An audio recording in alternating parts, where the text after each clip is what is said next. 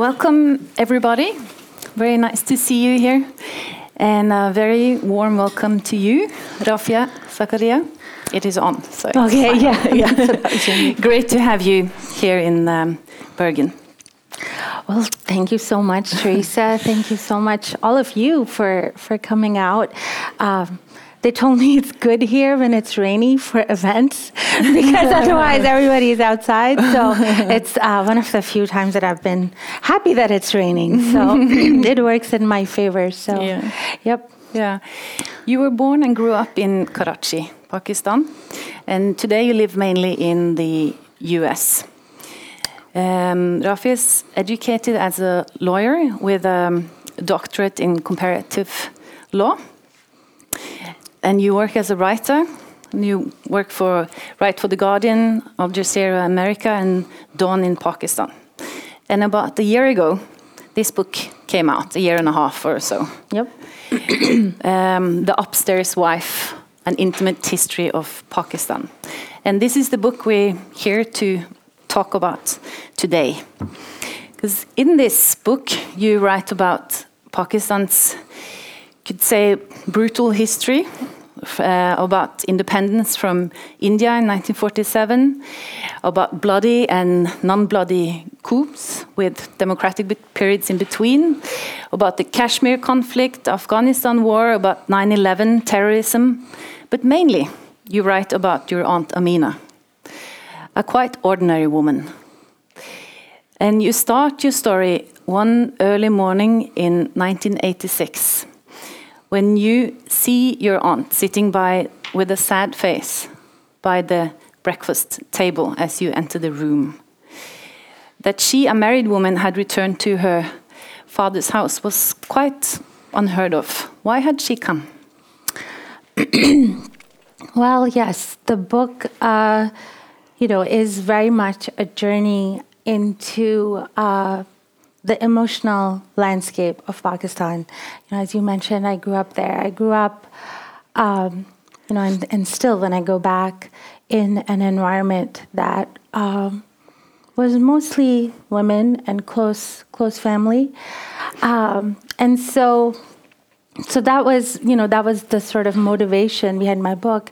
And on the you know the day that you're talking about that is the the beginning of the book uh, was one of the days that you as a child that i remember things being um, different from you know uh, often i think when what we remember most about our childhoods are the days where uh, suddenly all the routines of life seem a little askew. Um, and that was such a day. She had come back uh, because her husband had told her that he was going to marry again and he was going to get a second wife. And you know, technically, in uh, in terms of uh, sort of his interpretation of um, this Quranic verse, he had to ask permission of his existing wife and he had to um, do perfect justice. That's like the literal word between these two wives. So he had asked her permission and she had said she had said no. Um, but he, you know, so that's that's how she came back. So she, you know, she had said, "I'm not going to live in this household." Um, unless, uh, especially if you're going to bring another woman into it. And the backstory of this was, and in the book, kind of the, the spaces uh, are important because for about a year and a half before he said this to her, um, he had been building a second level to his to his house, and the house, as I describe in the in the book, um, was one of the older uh, style houses uh, that are not, I mean, they're not that common in Pakistan anymore uh, because it's urbanized so much, but there are houses in which you have you have rooms around an inside courtyard so that you know uh, women can be outside but not be outside the house. So they have this courtyard. And so when he was he was building this second story, it means that everybody or whoever lives on the second story can see inside the first because the courtyard is right there and you can see inside the rooms. So anyway, he had told her that he was going to rent out this this upper story and she, and everybody had had taken him for his word. Um, and then on that day when she came back, um, you know, uh, she, it, it, she had learned, she had just learned that this second story was actually where he intended to move her, and he actually was building it for another wife. Uh, so the reason why that day was also important is because uh, it was the first time that I saw the grown ups around me, my parents, my grandparents who lived with us, at a loss uh, as to how they were going to deal with this situation. And so, in that way, as a child, it was also a moment where you kind of first experience. Um, this loss of confidence because you, you're used to thinking of uh, you know, your parents and grandparents is in control of a situation, is in able to deal with anything, um, and then and then suddenly you have mm. you know that moment. Yeah. So, but it was allowed, but it wasn't common at that time in Pakistan. Is that right? With uh, polygamous yes, marriage. Exactly. Uh, I mm. think. Uh, you know, and, and this is why the, the book tries to interweave uh, the history of Pakistan, uh, the creation of Pakistan, with uh, how these different edicts were interpreted. Uh, now, at the time, uh, in in United India, for instance, there was there was no polygamy. It was not like technically permitted. Uh, when the British left and Pakistan was created, uh, the you know there and the, this exi- confusion exists today as well. Is that what what makes Pakistan different? How is it going to distinguish itself from India? Uh, what does it mean to be a Muslim country? And uh, the issue of polygamy, because it was something that distinguished a Muslim country from, uh, in the minds of some, from secular India, became more and more um, sort of important than it had to be. Because if we are a muslim country then eh, you know the logic that logic goes then we should be permitted or be doing everything that's permitted. Now polygamy is actually permitted but it's not encouraged in the quran. And uh, there are many interpretations that say that perfect justice between two women is impossible.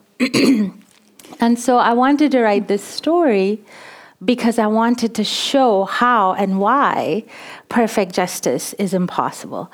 And, you know, I mean, yeah. essentially take the rule, which is what you're referring, you know, what is permitted or what is not permitted. Um, is often, and as a lawyer, I, even I was used to dealing or thinking of this subject as a legal issue. But our rules, especially when they apply to our intimate lives, are also emotional issues. And so that is the dimension of polygamy that I wanted to reveal. Mm-hmm. Is that, you know, what happens when you try to take a rule and live it, um, and how sort of absurd it can become uh, when you're trying to apply it to life. Yeah. So your aunt Amina, she didn't want to accept this, but she was told by the family that she had to go back to her husband uh, and continue a life with this second wife that he had taken. And and you also mentioned now the construction of the house and the, the so-called perfect justice. Could you can you tell us a bit about how was this life organized, like physically? How how did your uncle uh, Suhail do perfect justice to his two wives? Um, yeah, um, I think um, you know the so the choice that was given to her. I mean, she wasn't technically told to go back. What they did say was that you can stay here uh, in what was our house and my house. Uh, I grew up in you know a joint family. So my grandparents lived downstairs. Uh, my parents and myself and my siblings lived uh, upstairs, uh, but there was a shared kitchen and shared living space. Um, and so she could have joined that household. Uh, but that household, as I try to show in our household, already had its like, um, you know, its own dynamic between my mother and my grandmother in terms of how they were going to share the space and what turf belonged to who. Um, and, and those are very, very sort of, they have a lot of meaning, you know, in our culture. And so she would have come, but she, she would have stayed, but she would have not been part of that that system. So she would be, you know, kind of like a ex, ex, an appendage that's a, attached, like mm uh, to the house. So that was her choice to either live that way uh, or to return. Um, she didn't have the choice then uh, to go by herself and live by herself, which is probably what she, I mean, I, I think sometimes mm. would have liked to do. So, um, so that that's that's when she chose to go back, and that's when this this sort of uh, arrangement became began because so to do this perfect justice he built her a house upstairs because she was the older wife. He gave her the new he thought he was being very magnanimous by giving her the new uh, wing of the house. And then he and his new wife moved in downstairs. And then he would spend one week with one wife and another week with you know one week with my aunt. And uh, they had divided like uh, uh, you know, I don't know how the joint custody arrangements for children are here, but but it's very much it was very much like that in that it there was this division, except it's adults, um, you know, and uh, wives that are involved, and so yeah, he he he, and and this became like. Um, you know, of course, for our family, it was very, very tragic because uh, someone we loved was living this this life. Um, but uh, for the other people, the neighbors, and you know, and, uh, like I said at the time, polygamy was not um, something that was very very normal or very common. Uh, would watch to see where he was going, where, whether he was upstairs or downstairs, which wives' turn it was, because it was kind of like this sort of soap opera off their streets that was happening, um, and who's he going out with. And then, of course, this applied also to like holidays and stuff, right? So, which Eid he's going to be with which wife. Um, and, and, and, and she was, in that sense, reduced to half a wife because half her time she didn't have a husband. So, you know, the, the book then traces what that did to her in terms of uh, her isolation and alienation from the rest of the world because so much because she had been used to a whole husband um, you know and so suddenly to have that cut in half i mean should i get dressed in the morning? Should I make dinner? Should I not make dinner? Um, should I just sleep all day because I can? Um, and of course, you know, the central issue behind the, the, the argument, the core of why he told her he was taking another wife is because she because they didn't have children. And that, you know, in the eyes of a community that is very, very focused on motherhood and children, uh, that was a legitimate enough reason yeah. for him to go and get another wife. She was even told by somebody that you should be happy he's taking a second wife because she will bear him children and they will make you happy. Absolutely. and then it turns out that there were no children from the second wife mm-hmm. either. There's one question you don't you don't you don't put it in the book, but as a reader you think, well, didn't they consider him being the infertile one? well, no, no. that, that's and that was. Uh, you know that is something that I, I, left it unsaid because I wanted people. it, it is so obvious. The obvious injustice of that uh, is is just so so visible. This idea that that even you know, I mean, it's not. These are all these very educated people. So. Um, you know, but it, there's a strange mix of sort of superstition and patriarchy uh, that combines to sustain these kinds of ideas that it's always a woman's fault somehow um, if there are no children.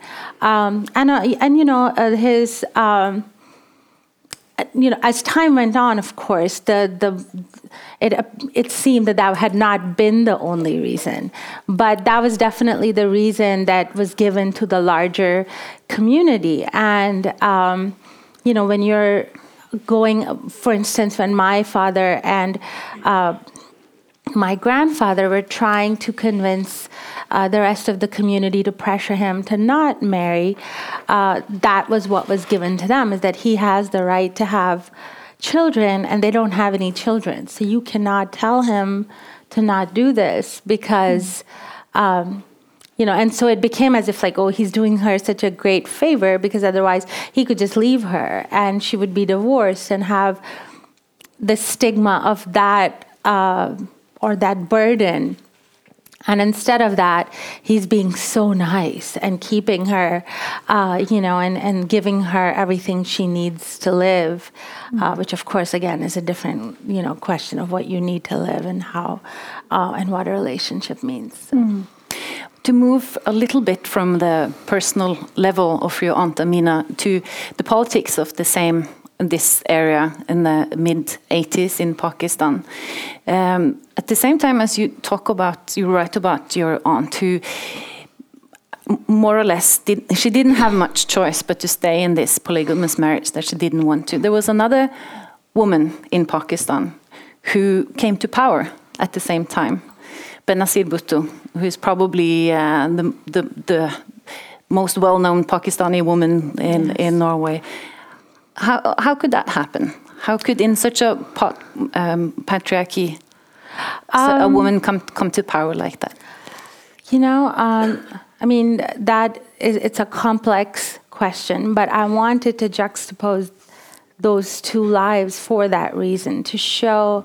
Um, that in some ways, Benazir Bhutto, because she came from a very elite background, uh, it's almost that as if like the power that she had based on. So, for instance, her family, uh, Karachi is in Sindh province. So this is the province, say, and this is Karachi. Um, her the land holdings of that family are so significant that for about four hours, the train, if you take a train up north, passes just through the land that they own.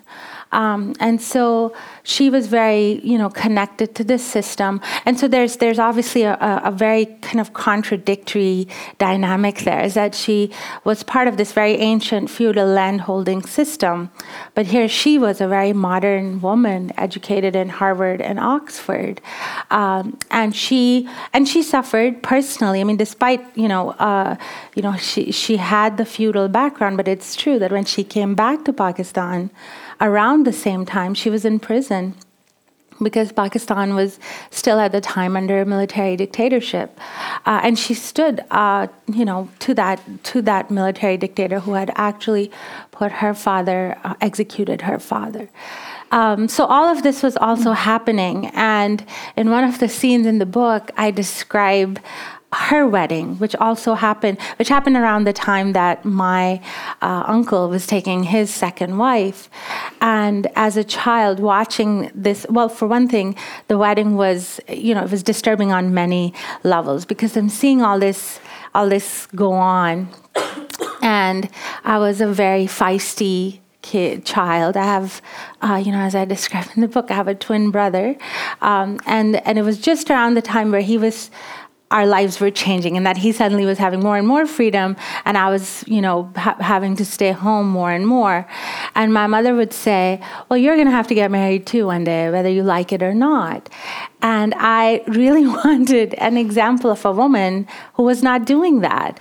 But then you see this woman who I, you know, you said most well-known woman in Norway, but in, she was also what I saw as the freest, freest woman yeah. in Pakistan. Yeah. And she is getting married, and she's marrying someone she doesn't know. And so, uh, you know, there's this picture of the two of them, and they, it was a very political, obviously, wedding because she, her constituency represented a lot of poor people. So, you know, usually in Pakistan, the weddings are very ostentatious, but her wedding, her wedding, she literally uh, her husband and her are sitting on chairs just just like this, this far apart. Um, and she uh, is wearing no jewelry. Uh, she, but she, you know, she didn't look kind of shy and demure like brides are expected were at the time expected to look in Pakistan. And her husband is sitting there, and he. Um, no one knows. I mean, you know, he's since he's been president of Pakistan, but she went to Harvard and Oxford. No one really knew exactly if or when or where he went to college. Um, you know, he had this huge turban on his head, and you're thinking, why is she doing this? Like, why is she marrying this man? But of course, you know, my mother turned around and said, well, see, even she has to get married. So get real even, and get with it. Get with the program because here's the freest woman. And she has to do this because, you know, otherwise she was, um, she had to do that in a way to sort of legitimize her power. She had to sort of be seen as traditional in some aspects of her life. And so, you know, she sort of wore a headscarf. She married, uh, you know, a man that her family had chosen for her, um, and and yeah. Was she good for Pakistani women? was she good for Pakistani women? I mean, I think yes, uh, because in a lot of ways, of course, at the time, no one knew how it was all going to end. Uh, but in a culture where women are were not in public life, uh, visible in leadership positions, I think she she was very good because mm. at the very least, I mean, you know, you can di- disagree with her politics, and there were a lot of complications uh, and you know allegations of corruption later on. But in the pure visible sense, mm. uh, for young Pakistani girls like myself, that was great because you saw that a woman can lead and she can lead well and she can be uh, strong and she can be she can stand up to a dictator and bring you know bring that government down. She can stand up to no confidence motions in the parliament. Uh, do a lot of stand in front of. I mean, you know, crowds and women do not go out to political rallies most of the time. And I think the most riveting thing about her uh, her rise and then her rule was that you know she would go and address these rallies and there'd just be she would just be completely surrounded by thousands of men and and she was often you know the one of she had her uh, female bodyguards but she was the only woman in that crowd. And to see her brave that i think just you know even if you didn't have an opinion on it did i think make women feel like well if she can do that then you know i can walk like six blocks and go to my university or or you know do what i need to do. I don't have to wait for my brother or husband or whoever to come home. So so i do think that she was very inspiring in that in that sense. Mm. and at the same but also at the same time there was a conservative uh, shift, or Pakistan got more conservative during these years. And you also we talked about a bit yesterday about how polygamy now from this time when it was very rare you had never heard anyone doing this and now you said even in soap operas in pakistan mm. you have polygamous marriages yes so how, uh, how is it now for women in well i mean uh, on one hand, I think Pakistani women are doing a lot better than they were. Uh, if you go to, uh, especially obviously in the urban areas, uh, Karachi, Lahore, uh, Karachi is obviously where I'm from, uh, women work uh, and they're out of the home, they're doctors, they're, they're police women, they're, I mean, they're, they're, they're present in all sorts of different professions. Um, but of course, uh, you know, in a sense, Pakistan is at this cusp, uh, like much of the Muslim world, where uh, a lot of things have changed, and the women that are already in the public sphere and who are working want more safeguards for themselves. And but the women who have not, they're standing at the kind of threshold, um, are less skeptical because they think, okay, uh, is the life of a working woman really what I want? Do I want to have to go to work and then come home and cook and take care of the kids? Um, and do two jobs? Or do I just want to stay at home and tell this guy that, listen, it's your job to go out and uh, come up with what we need for this family? So there's very much, uh, uh, uh, there's a lot of conflict because. Um, society is kind of teetering at that edge. Pakistan, since uh, even the 60s, you know, when my family came, uh, was a majority rural country. And it has transformed into now a majority urban country. And so, as, as a society becomes more and more urbanized, and women come into these cities where they have the opportunity to work, um, that becomes much more of a pressing question. Mm. And polygamy is, is sort of tied up with that because. Um, you know, the argument that conservatives and people who are sort of, you know, make this argument of pre- preserving traditional values and keeping our culture, weave that into uh, being, you know, like valuing tradition. Is that okay? What we're going to do um, is that okay we have all these women who don't have who either never got married or are widowed or uh, are destitute in some way.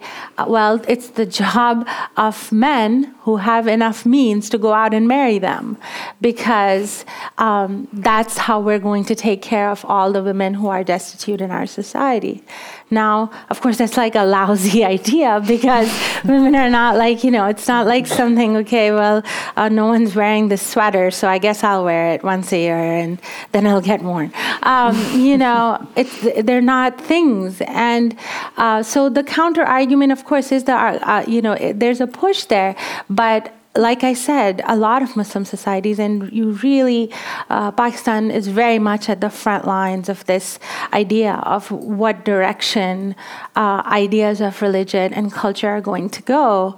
And the women who are sort of pushing against polygamy, against this idea that uh, women shouldn't be in the public sphere, are are really incredible and strong. Uh, you know, they're not always they don't they don't always fit like a stereotype that people would expect. I mean, a lot of these women, for instance, you know, will wear a burqa, a full burqa, to get out of the house from their neighborhood, and then they'll go to wherever they work and take it off. And the reason why they do that is because they don't want to deal with what all the neighbors and relatives and everyone has to say. Uh, and so it's a way for them to sort of skirt all of that opposition. So they've been very kind of inventive. Another in another thing that they do, there's a group uh, that's called I don't know if they're in Pakistanis here, but um, it's called Girls at Dhabas, which may, you might have heard of it.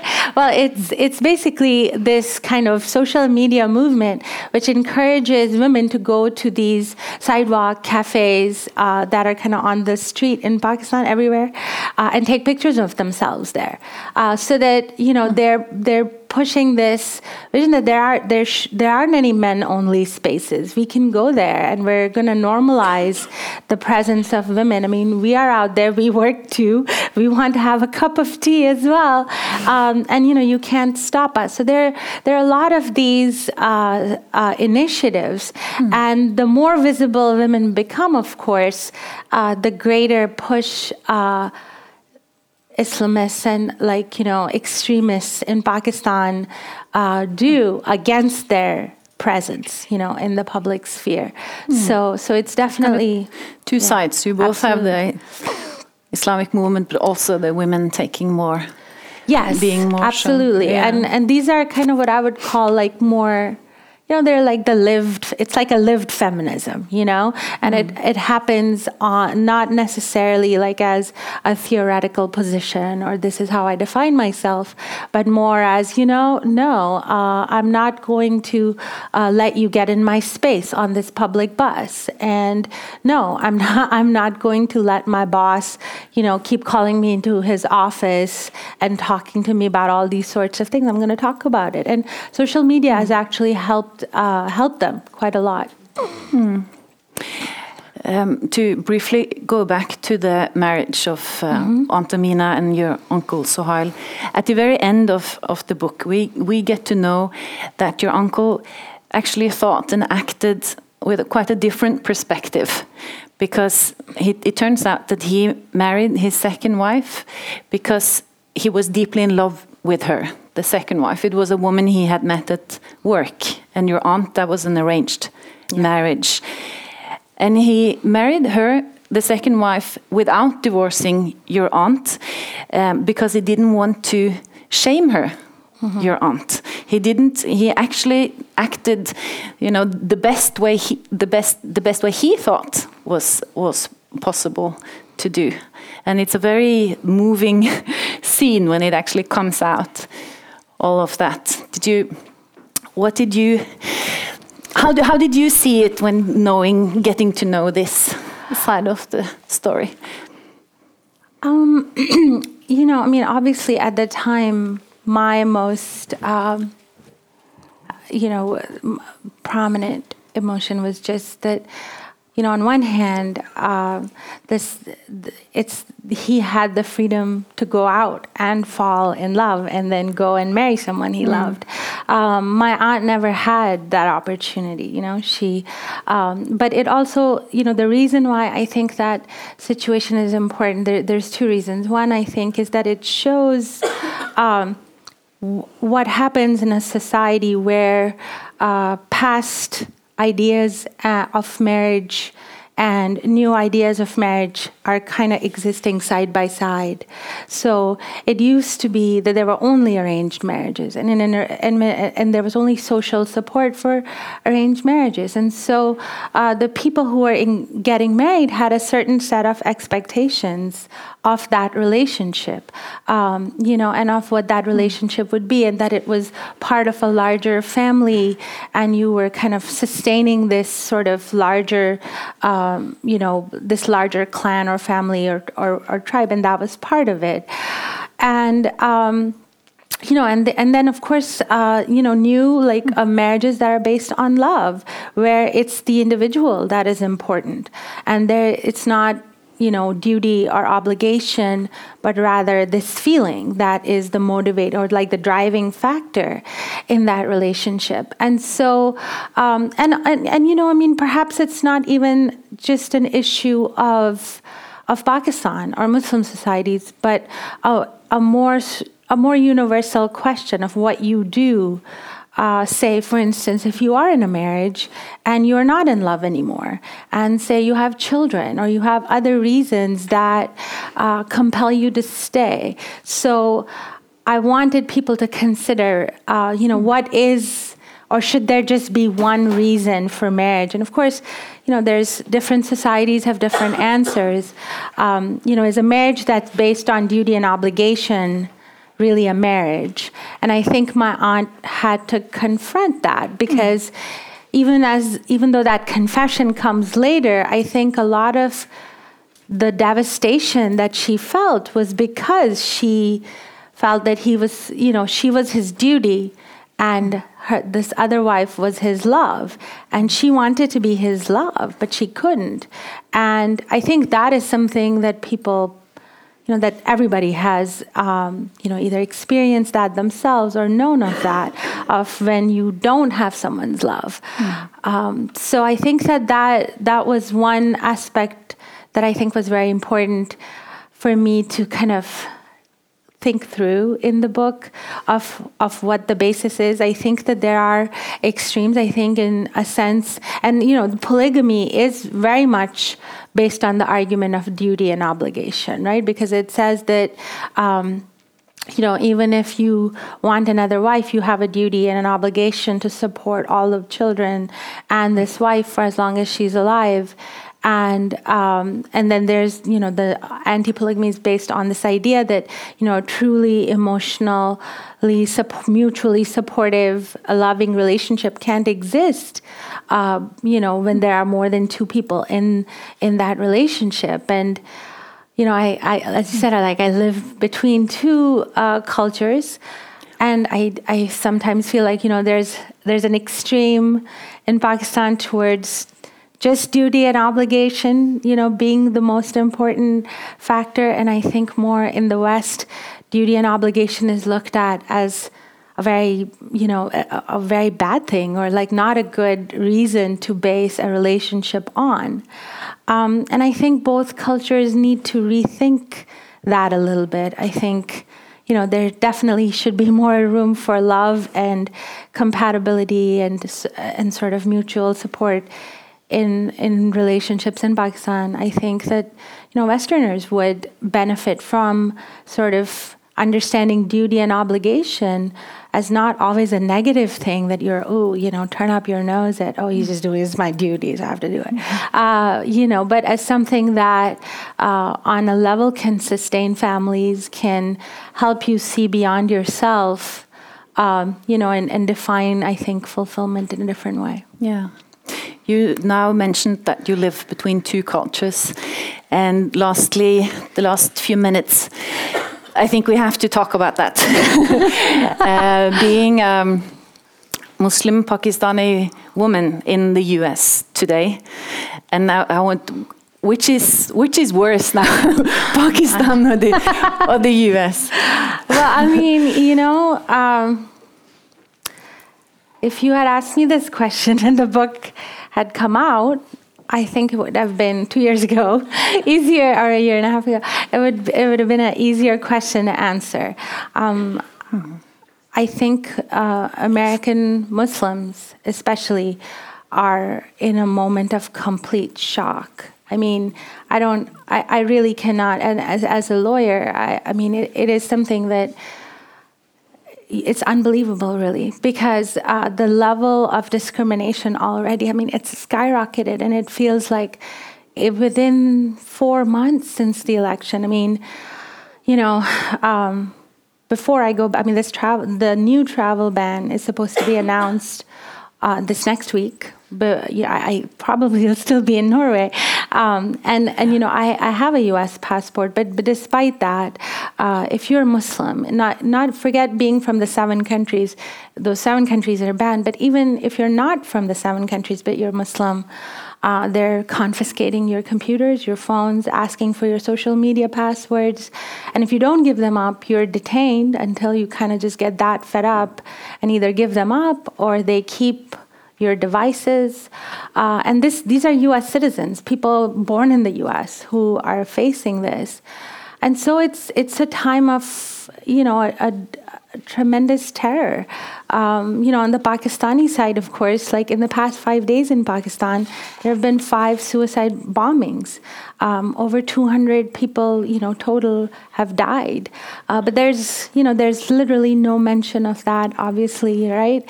Anywhere else. I mean, in Europe, at least, I see it in uh, BBC World, but in the US, I mean, you, you, it's it's just on the ticker under under mm-hmm. the news. There's no uh, consciousness of that. So so yes, I mean I think um, at this point I never expected to have to, uh, you know, I, I when I go back and forth in Pakistan as a journalist, I've had to sort of do things that you know have systems in place in case I get detained or interrogated uh, or some of my things are taken away. Uh, but I've, you know, I have not had to deal with it uh, on the US end. Like, I have never once, I've never been afraid to go back to the US. And it, it is just a very strange and, and uh, heartbreaking, you know, heartbreaking mm. feeling because even when the travel ban was instituted, for instance, the whole argument on US TV was, well, why isn't Pakistan and Afghanistan on this list? and it's like, okay, all right, well, if you're opposing this ban, don't try to start suggesting other countries that should be banned because, you know, you feel helpless. I mean, if you if the ban was instituted based on the logic that the wife of the bomber in San Bernardino was born in Pakistan, she didn't wasn't raised there, but she was born there, and that's the basis to now ban 180 million people from mm-hmm. ever traveling to the U.S. Um, it's just it's ludicrous. But that's mm-hmm. that's the logic of collective blame that we're living under, mm-hmm. right? Is that if, if you know if you're Pakistani, you, if one from 180 million does something wrong, I have to be punished for it, and all these other people have to be punished for it. Mm. So I mean, I can't emphasize enough just how much um, your support means on this issue and your opposition to this uh, means because um, you know all of us all of people like me who have spent our lives fighting extremism and fighting you know religious extremism fighting uh, terrorism are now considered terrorists. And um, it it is terrifying beyond beyond words. So. Yeah.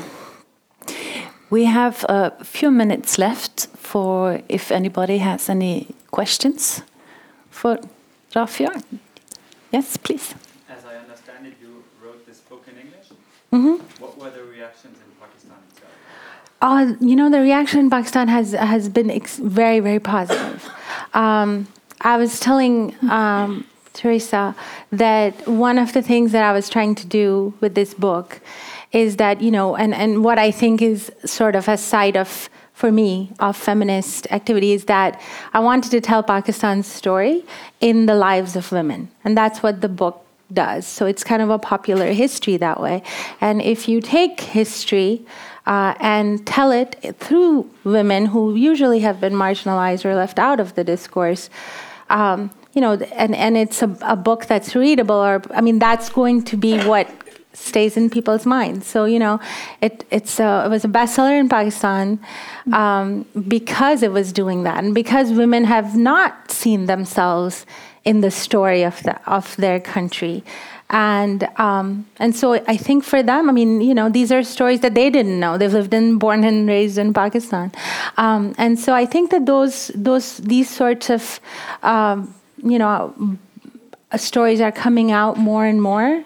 Uh, women are seeing that they have always that, that they have always resisted since the beginning of Pakistan's creation, and and that they have their own genealogy of resistance. That you know, Pakistani feminism is not dependent on borrowing ideas from here or there, but it's it's indigenous and it's always been there. So so yeah, it's it's been a it's been positive in that uh, respect among women, but of course, you know, um, uh, you know, Pakistan is a country that's uh, afflicted with uh, religious extremism and terrorism based on religiously extremist ideas. So, in that sense, yes, I mean, women, and not just me, there are a lot more women like me. You know, I write for Dawn, which is Pakistan's largest uh, English newspaper and all of the editorial staff that I work with are women, uh, and they go through like uh, four different security checkpoints after they come into the building to get to their office every day, um, because there is uh, there is that much danger. So they're living that, and yet you know they publish. Um, well, my book was published. I write similarly very um, critical articles of the religious establishment in Pakistan they publish that and then you know they go, go out into the street where they don't have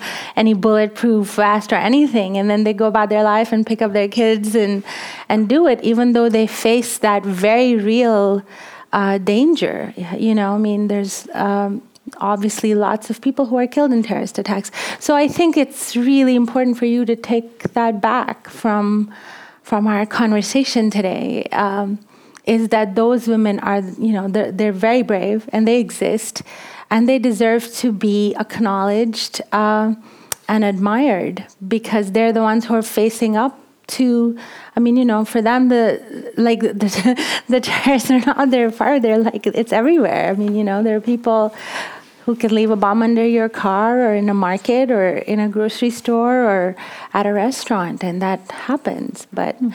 they're not afraid mm. Anybody else? No. But then our time is up, All and right. I would like to say thank, thank you, so, you much. so much. It's thank very you. interesting. Thank Thanks a lot. Thank you, Teresa. thank you, everyone.